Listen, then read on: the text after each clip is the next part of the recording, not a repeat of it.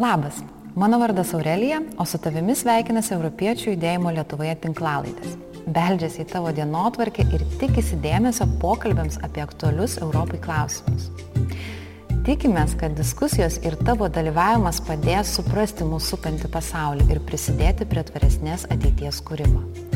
Esame atviri, laukiame tavo pasiūlymų temoms, kurios galėtų būti nagrinėjamas šioje tinklalaidžių serijoje. Jei nori ir pats prisidėti prie laidų kūrimo, siūsk laišką elektroniniu paštu, kurį rasi laidos aprašyme ir siūlyk, apie ką ir su kuo norėtum pakalbėti eteryje.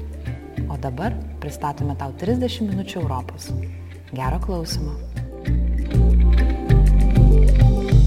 Sveiki, su jumis sveikinasi tinklalaidžių serija Europa per 30 minučių. Ir šiandien mes kalbėsime tvarumo tema ir labai džiaugiuosi turėdama svečiuose pašnekovus. Tai yra Paulius Serapina, e, Regeneration 2030 atstovą, Austa Černiauskaitė, socialinė inovatorė ir NVO atstovė, bei Edvila Raudonikė, ambasadorių ir klimato diplomatijos atstovą. Tai Pauliau, gal galėtum prisistatyti trumpai, ką tu veiki, kuo domiesi pagrindę šioje tvarumo temoje? Tai šiuo metu esu naktinio Vilniaus Avilio vadovas, tai tokia nauja užimtumo, kūrybiškumo erdvė, prevencijos ir žalos mažinimo temomis veikiame, taip pat skatiname žmonės keisti požiūrį į tam tikrų medžiagų vartojimą ir tai pakeisti kažkokių užimtumų arba kūrybiškumų. Taip pat jau porą metų veikiu nevyriausybinėse organizacijose ir vat, buvau Lietuvos jaunimo organizacijų tarybos tarptautinių reikalų koordinatorius Ir būtent ta tvarumo tema, ją būtent ir paliečiau šioje organizacijoje, kai, kai teko susipažinti su darnaus vystimosi tikslų darbo atvarkė iki 2030 metų. Tai šitas galbūt terminas sudėtingai skamba ar klausytojams, arba šiaip e, žmonėm, tai iš esmės tai yra 17 klausimų darbo atvarkė, tikslų, kurias mes turime pasiekti, dabar jau liko 10 metų. tai, tai taip, tai veikiu šitoje temoje, priklausau organizacijai Regeneration e, ir, ir, ir, jo, ir stengiuosi pats būti tvarus. Supratau, ačiū, Auste. Tai mano kelionė tvarumo temoje prasidėjo tikriausiai nuo studijų, pradėjau studijuoti aplinkosaugą. Ir tuo metu ne tik iš mokslinės pusės pažinau tą sritį, taip pat, bet taip pat įsitraukiau ir į aktyvistų bendruomenę aplinkosaugos tematikoje. Tai nemažai laiko praleidau ten, o grįžus į Lietuvą po studijų įsitraukiau į socialinį verslą, socialinės iniciatyvas, įkūriau savo socialinę iniciatyvą Cool ūkis, kuris suveda žmonės, kurie nori sodininkauti ir žmonės, kurie nori pasidalinti savo daržu ar sodu ir kartu na, auginti maistą ar kažkokias kitas kultūras.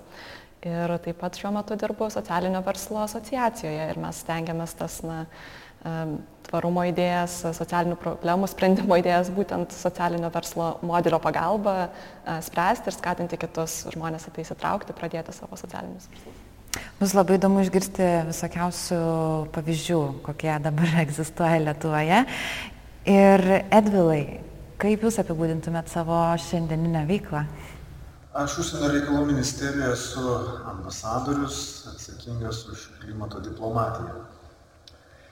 Ir kadangi tiek Lietuvoje, tiek Europoje, tiek visam pasaulyje klimatas, su klimatu susiję dalykai, tvarumas, su kiekviena diena užima vis daugiau vietos mūsų visų darbotvarkiai, todėl natūralu, kad Lietuva irgi skirdama tam daug dėmesio, aš tai turi vat, tokį ambasadorių, kuris užsieima tokiais klausimais. Tai norėčiau paklausti Austa tavęs, tu minėjai, kad esi baigusi uh, su ekologijos susijusius mokslus ir kaip ar tu pati matai kažkokį tais pokytį uh, siejama su tvarumu Lietuvoje arba galbūt net plačiau? Taip, tai tikrai matau tą pokytį. E, grįžusi po studijų pastebėjau, kad na, tikrai nebuvo tiek daug kalbame apie aplinkosaugą, apie tvarumą, kiek yra dabar, ypač per paskutinius porą metų. Tai matau ir skirtingas iniciatyvas, kurios prasideda, um, tokie judėjimai kaip Zero Waste judėjimas Lietuvoje, tikrai na, įgavęs pagreitį ir vis daugiau tos idėjos plinta, įmonės pradeda žiūrėti į savo pakuotės, tarkim, kad jos būtų tvaresnės, e, galima būtų lengviau perdirbti. Taip pat jaučiu ateina po truputį ir į į ūkininkavimą, žemės ūkį, tos na, praktikos, ekologiškas ūkininkavimas ir bandymas su, sutrumpinti va, tą grandinę Taip. nuo maisto, nuo, nuo užauginimo to maisto, kol visi ateina iki mūsų stalo, ką matau ir na, Europoje jau ilgesnį laiką vykstant va, tas, tas idėjas ir jos va, pamažu į Lietuvą ateina ir labai džiugiuosi, kad per paskutinius porą metų ypač klimato kaitos e, temos na, tikrai išaugusios savo svarbą. O tavo nuomonė, dar toks trumpas klausimas, kaip manai, kas vat, prisideda prie šito uh, naujų idėjų ateimo į Lietuvą? Ar tai yra vis tik didžiąją dalimi uh, institucinė ar ne uh, tokia įtaka, kažkaip atnešamos tos idėjos, ar tai yra žmonės, vat, pavyzdžiui, kad pasimoko kažkur ir grįžta į Lietuvą? Kaip čia, kaip čia, kaip tu manai? Tai aš manau, kad viskas veikia iš vien. Tai e, tikrai žmonės ar grįžta, ar tiesiog daugiau domisi, daugiau informacijos internete, mhm. um, sužino kitą kalbą, paskui jau pradeda ir Lietuvoje vystyti. Uh, labai didelį įtaką yra ES žingsniai ir, ir tas postumis link žaliojo kurso ir um, tikrai va, tos yra matoma, kad ateityje na, ir tos investicijos padaugės, tai noras yra iš Taip. tos pusės, kad pasinaudoti tomis progomis, tai yra laikas veikti dabar ir tai skatina iš tikrųjų daug organizacijų ir na, verslų irgi judėti tą linkmę. Supratau. O Pauliau, norėjau tavęs paklausti. E, pats minėjai, kad tikrai prisidedi prie mm, šiokių tokių pasiūlymų formavimo ar ne sprendimų prieimėjams. Tai tavo nuomonė, kas yra svarbu formuojant tvarumo politikos klausimus, kaip jaunimas prisideda prie šitos temos? Um, tai manau, kad Svarbiausias dalykas yra suprasti, kad a, ir pats mes labai daug ir a, savo, su savo kolegomis arba artimoje aplinkoje irgi diskutuojame, kuo skiriasi, tarkim, žodis ten testinumas, tvarumas, darnumas, a, sustainability, jeigu angliškai. Tai pradėčiau atsakinėti šitą klausimą, ta, kaip susiję tas jaunimo politikos ir apskritai sprendimų prieimimo formavimas iš, iš jaunimo pusės. Tai, Um, reikia suprasti vienintelį, vienintelį ir tikriausiai svarbiausią dalyką, kad vien tik tai, jog um, jaunas žmogus kartu su kažkokiu politiku arba, nežinau, savivaldybės atstovu, jeigu žiūrint nuo mažesnio taip. ir tęsintis iki prezidento, Europos komisijos ir panašiai, jeigu šie du, um, nežinau, veikėjai, jaunas žmogus ir sprendimų prieimėjas jau turi dialogą kažkokį, kur yra vienas kviečia kitą dalyvauti, jau tai ir vien rodo, kad mes tvariai mąstome ir įtraukiame jaunus žmonės į sprendimų prieimimo procesą, kuris galbūt sunkiai e, čia skamba ir yra apibūdinamas tas sprendimų prieimimo procesas, bet jo. Tai vien tik tai jau yra labai tvaru, nes mes kalbame apie būsimą kartą, būsimus, būsimus vartotojus, kurie bus pagrindinė ta gale varomoji tikriausiai ir, ir, ir nesakau, kad viena iš svarbiausių, bet apie juos reikia kalbėti, apie jaunus žmonės ir juos įtraukti į tai. Tai vien tik tai jau yra tvaru, o svarbiausia tai yra vadovautis savo pačių, e, man atrodo, asmeniniais išgyvenimais kažkokiais patirtimi. Tai kaip ir pavyzdžiui organizacijai Regeneration, um, mes um, kalbame labai daug apie asmeninius dalykus, kur tu pradedi asmeniškai tobulėti. Nes jeigu mes bandome kurti visuomenę arba organizaciją, nežinau, kažkokį judėjimą, kuris e, kalba apie tvarumą ir, ir, ir apie tų tikslų, darnaus vystimos tikslų įgyvendinimą, tai mes patys iš savęs turime būti tvarūs ir žinoti tam tikrus e, e, svarbius dalykus. Tai e, jeigu yra norinčių jaunų žmonių, kurie turi patirties, ar ten zero waste, ar ten žiedinė ekonomika ir panašiai, jeigu jie jau turi patirties, jie gali ateiti su savo tam tikrais pasiūlymais ir prisidėti prie tų sprendimų kažkokių. Nes būtent per tas asmeninės patirtis mes ir formuojame tada tą tvarumo politiką, mm. nes man atrodo, kad tai yra svarbiausias aspektas. Kad, žodžiu, kuo daugiau jaunų žmonių įsitrauktų ar ne į tą bendrąją diskusiją. Taip. Taip, tai mes irgi šitą labai skatinam ir labai džiaugtumėmės, jeigu žmonės kuo daugiau plačiai kalbėtų apie tai. Ir norėjau paklausti, Edvilai, kaip tavo patirtyje, ar daug, ar dažnai tenka vat, bendrauti su jaunais žmonėmis tais aplinkosauginiais, ekologijos, tvarumo klausimais. Kaip tu vertintum, ar žmogus jaunas yra įtrauktas iš tų klausimų sprendimą? Sakyčiau, kad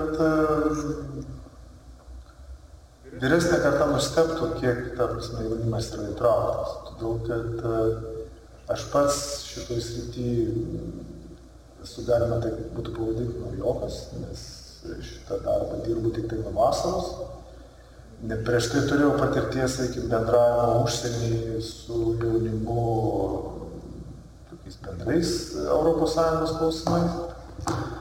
Bet aš pats auginu tris vaikus, ta prasme, kurie ten jau tokie paaugę paaugliai yra. Tai ta prasme, matant, kaip nu, vat, jų visam tam mąstymė ir, ir, ir, ir pasaulyje žiūri, kokią vietą užima aplamai tas toks santykis su pasauliu, tai, nu, sakyčiau, kad tas patirtis yra geras. Nes ta prasme, kai koks nors ten 16 metais mums sako, tai čia viskas labai paprasta, jeigu nieko nedarysi, visi mirsi. Nu, tai ta prasme yra labai viskas paprasta. Taip, iš tikrųjų, aš net buvau pasirašiusi, kad tokį sakinį, kad tai yra ypatingai aktuali tema šiandienos jaunimui ir gal net aš pavadinčiau šiandienos jaunimą viena iš pagrindinių pilietinės visuomenės varomųjų jėgų, ar ne? Tai yra nuo protestų iki, nežinau, viešosios diskusijos e, temų nagrinėjimo, tai matom, kiek daug yra iniciatyvos. E, bet vis tik dar norėčiau šiek tiek grįžti prie to žaliojo kurso. Labai toksai skambus iš tikrųjų dalykas, skambantis visos ES mastu ir vat, e, gal galėtumėt įvesti mus į tai, kokie artimiausi veiksmai laukia, ar ne, arba kas laukia Lietuvos, kokie įsipareigojimai, kaip čia dabar viskas, kaip mes čia gyvensime po šito žaliojo kurso sparnu. Tai matot, tam tikrą prasme čia vienu metu um, kaip kad ir labai dažnai būna, gyvenime susikaupia daug skaudulių. Mhm. Tai ką tik pasibaigus vienai krizai, ES turėjo nertis tačia galvą į kitas, ta prasme, dvi. Ir ta pandemija, kurios metu mes šitą laidą įrašinėjome, tai didelė dalim paspartino veikimą ir, ir, ir, ir mąstymą. Ir dabar situacija yra tokia, kad Europa tiesiog priėmė tokį sprendimą, kad jos atsakymas ar bandymas, kaip sakoma, atgaivinti ir sustiprinti ekonomiką bus paremtas uh, iš esmės uh, žalios ekonomikos kaina. Tai reiškia, kad uh, ta didžiulė pinigų suma, kuri iš esmės bus sugeneruota per artimiausių metų. Iš tos sumos daugiau negu trečdalis turės būti skirta žalinimo tikslams, o dar 20 procentų skaitmenizavimo tikslams. Priežastis yra labai paprasta. Tai kad e, Europa, būdama kontinentu, kuris, kurio pagrindinis iš esmės turtas yra jo žmonės, 450 milijonų europiečių. 450 e, milijonų e, pasaulio mastu e, gerai uždirbančių vartotojų. Yra didžiulė jėga, kuri gali pakeisti iš esmės visą pasaulį. Arba bent jau ženkliai įtakoti. O tas įtakojimas iš esmės yra naudingas mums, Lietuvai ypatingai yra naudingas, nes kai kalbam, vat, kaip ir minėjo e, pašnekovai, sakykime, žiedinė ekonomika, tai tokia šaliai kaip Lietuva, kur, kurios pagrindinis irgi turtas yra žmonės, tai tiesiog yra atradimas. Nes ta prasme mes galime savo pačių ekonominį augimą grįsti žmogiškaisiais resursais. Ta prasme, būti savo pačių laimės kalbė. Tai kasgi vis tik tais laukia Lietuvos, kokie pasikeitimai, ar, ar galėtumėm kažką įvardinti tokio, vat, artimiausių? Tie pasikeitimai vyksta nuolatos, o artimiausių metų, tai, sakykime, tai, ką, ką ir šitą vyriausybę mm, ta prasme, priminėja ir daro, tas, šitas garsiai nuskambėjęs DNR planas, ten irgi nemaža dalis yra e, skirta žalinimui. Ehm, taip vadinama daugiametė finansinė perspektyva, kitaip tariant, e, ilgalaikis ES biudžetas, Taip. kuris, ehm, kurio periodas prasidės kitais metais. Iš lieto visą tą finansinę pagalbą Tai tų pinigų naudojimas prasidės jau kitais metais. Tai e, tiek Lietuva, tiek kitos šalis, ta prasme, per labai artimą laiką turės e, pradėti įgyvendinti daug e, fundamentalių projektų. Ir tų projektų rengimas vyksta tiek Lietuvoje, tiek kitur. Tai e, tiesiog reikia tikėtis, kad sugebėsime mes visi atsirinkti būtent tai, kas mums duotų ilgalaikę naudą, tiek mum patiem, tiek mūsų aplinkai ir, ir, ir iš esmės sudarytų galimybės mums aukti ir gražinti tas skolas, kurias mes iš esmės iš ateities kartų pasiskolinom dabar šitos visos pandemijos akivaizdai. Tai, uh, Austa, norėčiau va, tavęs paklausti kažkaip susijęjant uh, su tais pozityviais tokiais aspektais, kuriuos minė e, Edvilas ir ES ar net skatinimu, sakykime. Gal tu žinai arba galėtum pastalinti iš asmeninės patirties socialinio verslo srityje arba nevyriausybiniam sektoriai. Tikrai tikiu, kad yra dalykų, kuriais galima būtų pasidžiaugti. Ar tai, ar tai būtų iniciatyvos, ar tai būtų kažkokie rodikliai, kuriuos pasiekia tvarūs verslai. Tai kokių, kokių galėtum tokių išskirti džiaugsmingų elementų. Tai tikrai yra jo nemažai, va dabar prasideda įvairių iniciatyvų ir socialinių verslų, kurie na, taikomi į tą tvarumą. Ir yra vienas tinklapis, kuriame yra surašyta nemažai mhm. jų, e, vadinasi tvarūs bičiuliai.lt. Tenais yra toks kaip, kaip duomenų bazė, yra įvairios e, tiek, tiek verslai, kurie na, turi tvarias idėjas arba turi remiasi žiedinė ekonomika ar, ar kitaip, e, tiek organizacijos, e, tiek iniciatyvos ar tiesiog bendruomenės žmonių. Tai tenais yra labai gražių daug pavyzdžių, ypač jeigu va, jauni žmonės ieško į ką įsitraukti, ar tiesiog nori įsikvėpti, ką galima padaryti šitoj srity, tai yra puikia vieta pasižiūrėti, va, kas jau dabar egzistuoja, prie ko mhm. galima prisijungti.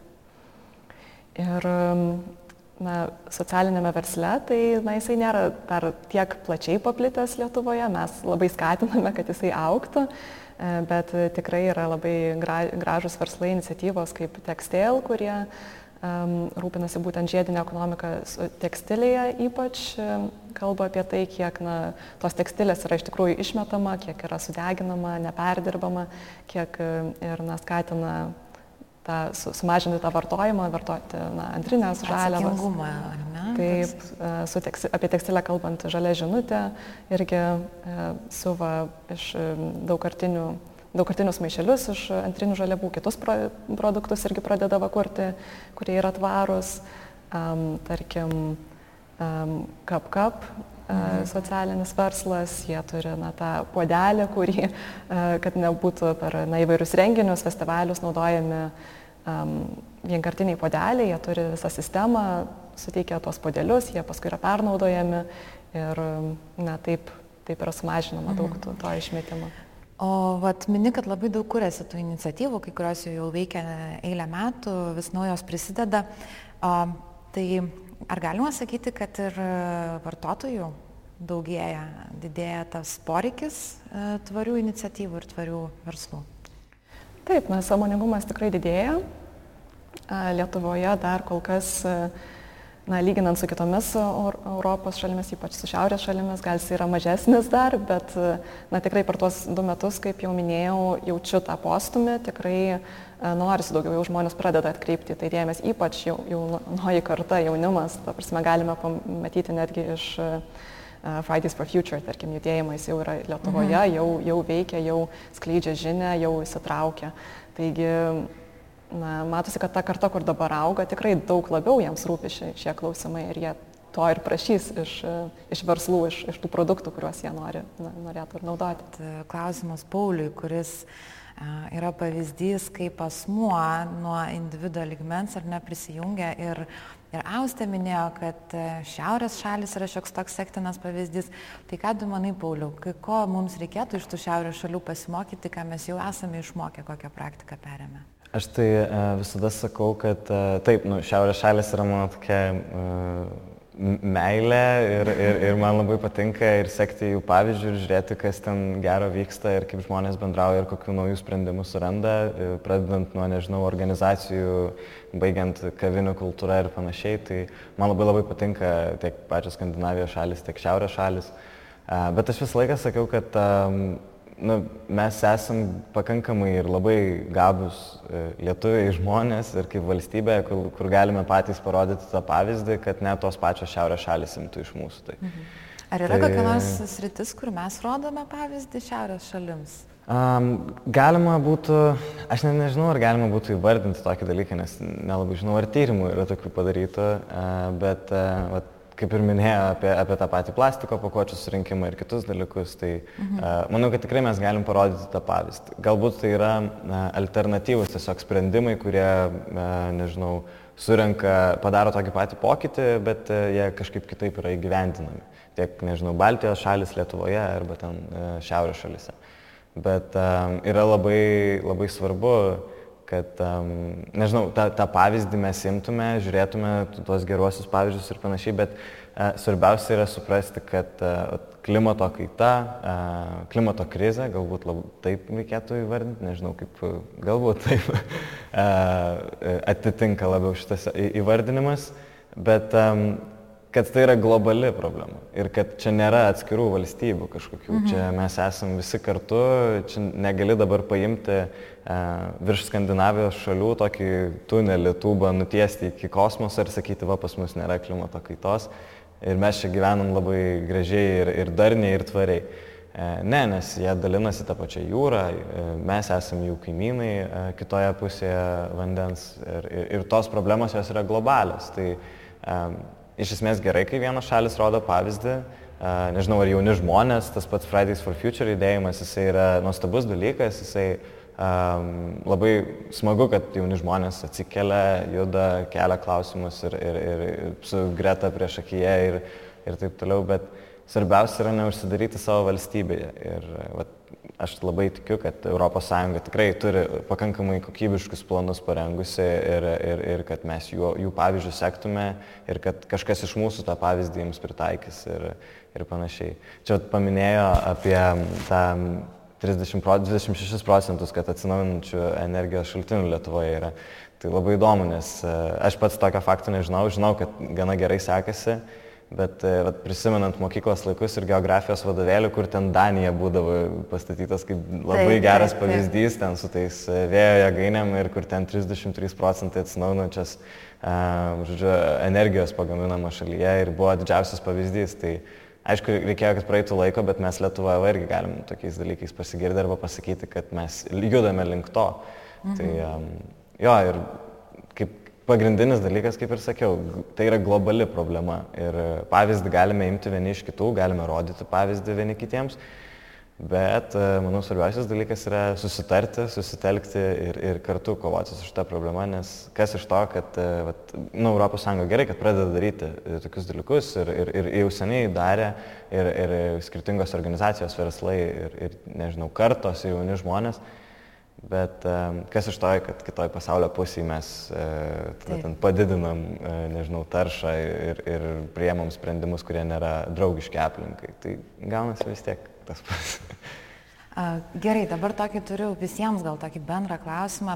E, įsivaizduokim, mintimis persikelkim į 2050 metus. Ir, bet čia ne apie, ne apie nulinę taršos, e, žodžiu, mūsų įsipareigojimą. Aš tiesiog pagalvojau, kad, tarkim, e, mūsų visuomenė keičiasi ir jinai priema naujas normas, ar ne? Tai reiškia e, kažkokie, tai kas anksčiau mums atrodė sunkiau įgyvendinama arba kartu sugyvenama, dabar yra norma. Tai kalbant ir apie pandemijos akivaizdoje saugumo reikalavimus, kurie dabar yra savaime suprantami. E, tai ir ekologijoje arba tvarumo temoje mm, mes keičiame savo įpročius. E, rušiavimas vis tampa natūralesnis arba normalesnis daugelį šeimų ir panašiai. Tai norėjau jūsų paklausti, įsivaizduokite dabar, kaip minėjau, 2050 metus ir kokie yra, kokie yra pasikeitusios visuomenės įpročiai, apie ką mes jau nebegalvojame, kaip apie kažkokį tais uh, kad aš darau pridėtinę vertę ir ypatingai stengiuosi dėl tvarumo, kas jau yra mano kasdienybėje, kaip, nu, sakykime, angliškai by default. Aš manau, kad mes tiesiog nueisime tą tokį natūralų vystimusi kelią ir e, bus visiškai normalu, kai e, žmogus, kuris, sakykime, nu, vyks kažkoks pokalbis, apie atostogas, jisai sakys, na, šiais metais aš jau savo atskraidžiau, ta prasme, ir aš jau nelabai galiu ten kažkur tai keliauti, nes kitokiu atveju mano skrydis ten galėtų palikti per daug didelį anglies pėdsaką. Aišku, čia šito vietoj e, mano kritikai mane užpultų ir sakytų, kad greičiausiai 50 metais gana didelė pasaulio dalis jau skraidys galbūt vandeniliniais lėktuvais ten ir panašiai, bet e, kartais būna, kad ta pažanga ne visada būna tokia greita, bet turint galvoj tai, kad tai, ką aš pasakiau, aš išgirdau iš tokio vieno pažįstamo žmogaus prieš dešimt metų, apsna, Europoje. Tai labai tikiu, kad mes dar per, sakykime, Mhm. 20-30 metų nueisim tą kelią, kuriuo natūraliai, ta prasme, vat, kaip jūs ir sako, ateiname ir ateis tas suvokimas ir, ir, ir, ir į mus. Auste, kaip tu galvoji, koks bus įpratis? Tai natūralus. Bus, manau, kad iš esmės daug dalykų na, turėtų tikrai pasikeisti. Na, iš žiedinės ekonomikos e, pusės tikrai ir, ir visos atliekos, kur mes dabar sudarom, kad na, nebūtų jų tiek. Ir manau, kad na, pakuotės turi iš esmės būti pergalvojamas dalykas.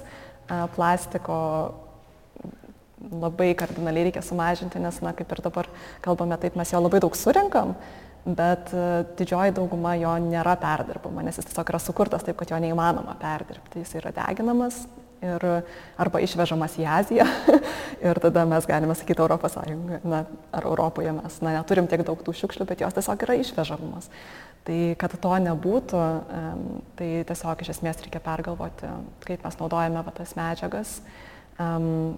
Kaip minėjau, irgi grandinių trumpinimas mhm. ir, ir tie dalykai, manau, taps na, įprastesni. Um, transportas, aišku, va, kaip ir minėjau, kad va, gal mažiau keliausim, arba bent jau tais taršiais būdais mažiau, daugiau tos susiekimo viešojo transporto infrastruktūra turi pagerėti kardinaliai. Tai, na, manau, kad 30 metų yra gana ilgas laikotarpis ir taip kaip technologijos vystosi, tokiu greičiu, manau, kad gali tikrai labai daug pasikeitimų būti. Pauliau, būsi jau nebe jaunas žmogus, bet kokį įprotį manai, kad jis bus išsivystęs iki um, ne, šiaip e, labai įdomu, aš labai mėgstu pasvaičioti apie tą ateitį ir ten su draugais ir pats su savim, kaip, kaip tai atrodys ir čia mes skraidysim ar neskraidysim ir, ir panašiai. Tai uh, nieks nežino, gal bus dar blogiau. Tai tu visą laiką turi labai kritiškai mąstyti šitame visame pasaulyje ir, ir, ir nepamiršti to, kad tave gali uh, tau gali ten sakyti kažkokius dalykus, kaip čia bus ir, ir panašiai. Lygiai taip pat ir su, toli gražu, ne visi verslai taip daro, ar ten ne visi žmonės, bet tos greenwashingo dalykas, taip. kur a, e, tam tikri prekių ženklai prisidengia e, eko, eko, nežinau, pakuotę ar ten eko medžiagomis, kad galėtų vartotoją ap, apimti didesnę auditoriją vartotojų, nes logiška, kad galbūt pirks tą daiktą ir, ir, ir tie, kurie um, nežinau, jiems nelabai rūpi klimato kaita, bet ir pirks ir tie, kuriem rūpi. Tai bet tų įpročių, tai aš manau, kad e, mes labai išmoksime sekti savo tą pėtsaką, nes uh, vis tiek mūsų visuomenė, um, nežinau, jie vis daugiau domisi tam tikrais dalykais, technologijų pagalba tai tampa vis paprasčiau daryti. Kaip pavyzdžiui, jau dabar yra sukurta Švedijos um, keli bankai um, ir Alandų salų bankas, jie yra sukūrę um, tokią bankinių elektroninių paslaugų sistemą, kur tu gali atsiskaityti kortelę ir ten yra matuojamas tavo CO2 pėtsakas. Ir tu gali užsidėti limitą, kad nu, va, tiek ir tiek galiu išleisti, užteršti šitą pasaulį, arba man banko sistema iškart parodys, ką aš galiu, kokią alternatyvą pirkti su ta kortelė. Tai irgi toks, tokia kontrolė, bet jinai labiau tokia savikontrolė, kad mhm. tu domiesi, ką tu, kiek tai, kiek tai, nežinau, kainuoja visam pasauliu ir šitai krizai. Tai aš manau, kad mes tiesiog pradėsime turėti įprotį daugiau domėtis, kas parašyta ant, e, ant tos kitos pusės ir, ir ką mes iš tikrųjų perkame ir, ir kaip tai atrodys. Ir, um, ES su savo vartotojų teisėmis ir uh, apsauga ir, ir, ir visais reglamentavimais, tai uh, lygiai tą patį uh, teigia, uh, kad turi būti kuo daugiau aprašyta visi dalykai ir, ir, ir tam tikrai yra ženklai, kur skiriamieji, kur vartotojas gali atpažinti, kada tai yra, nežinau, eko daiktas ar ne eko daiktas. Tai, va, tai aš manau, kad mes tų įpročių turėsim tokių, kad e, daugiau pažinsim, ką mes darom ir tai bus labiau atvira, kas galbūt e, vyresniem kartom, nežinau, prieš, prieš mus visus galbūt nebuvo labai įprasta domėtis tais dalykais, nes tu pirkdavai tą daiktą, pasimdavai, įsidėdavai ir, ir tau užtenka, nesvarbu, bet, bet ką. Tai vat, o, o šiaip labai įdomu, nu čia gal vat, klausimas toks visiems diskusinis, tai e, jeigu sekant tą tvarumo temą ir apskritai tą filosofinį klausimą, kas yra tvarumas, e, tai aš labai mėgstu iš karto šnekėti apie tai, ko aš galiu atsisakyti, nu, ir tada pradedi nuo didžiausių dalykų, kurių tu gali atsisakyti ir tada baigi, kad, e, nežinau, nu galbūt ir aš nuvažiuosiu su automobiliu šiandien, bet aš užtat važiuosiu vat, į ten kažkokią pristatymą jauniems žmonėms, bet ir aš jiems pasakosiu apie ekologiją ir ten kitus dalykus ir tai turės žymiai didesnę pridėtinę vertę. Nu, man visas tas tvarumo tema ir tas zero waste, pavyzdžiui, principas arba ten 5R principas, kur ten uh, pradžioje atsisakai, panaudoji iš naujo uh, ir panašiai, aš dabar ne, neatsimenu viską. Bet uh, tai, kad žmonės pradės daugiau galvot, man atrodo. Taip. Ir taip. čia yra pagrindinis dalykas ir toks linkėjimas visiems, kad, e, kad daugiau pradėtume galvoti apie tai, ko mums reikia ir ne. Tai gal 250 metais mes atsisakysime visko ir tamsoje gyvensim, nesakysim, kad čia yra labai gerai. Tai nežinau. labai gali būti, kad taip. Iš esmės, tai tais 50 metais tikėkime, kad principas, kad mažiau yra daugiau, bus žymiai plačiau paplitęs. Jis dabar, ta prasme, po truputėlį irgi tampa ant bangos. Yra įvairių ir filosofinių minčių. Prasme, krypčių vat, e, šitoj vietoje besivystančių ganėtinai greitai, bet e, labai nemažai prie to pandemija beje šitą prisidėjo. Ir dar prisidės, ta prasme, tiesiog suvokiant, kad e, greitis ir judėjimas, kaip sakoma, tiek individų, tiek visuomenės yra gerai tam tikrą prasme tas toks vat, sustojimas ir su, sugebėjimas žiūrėti, kas yra aplinkui, kad, kaip sakoma,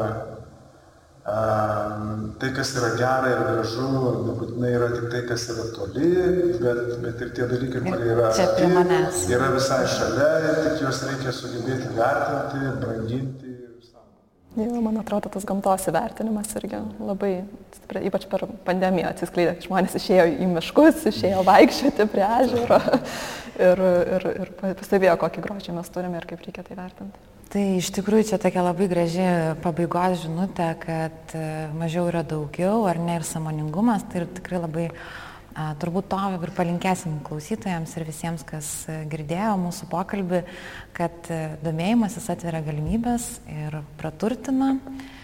Ir visi kartu, tik tais kartu veikdami galime keliauti link tvaresnės mūsų visuomenės. Ir tų 2050 metų. Tai norėčiau padėkoti Edvilui, Austi ir, ir Pauliui, kad prisijungėt šiandien prie mūsų, padiskutavot ir iki kitų susitikimų ir linkiu visiems skleisti tą žalėją žinutę. Iki.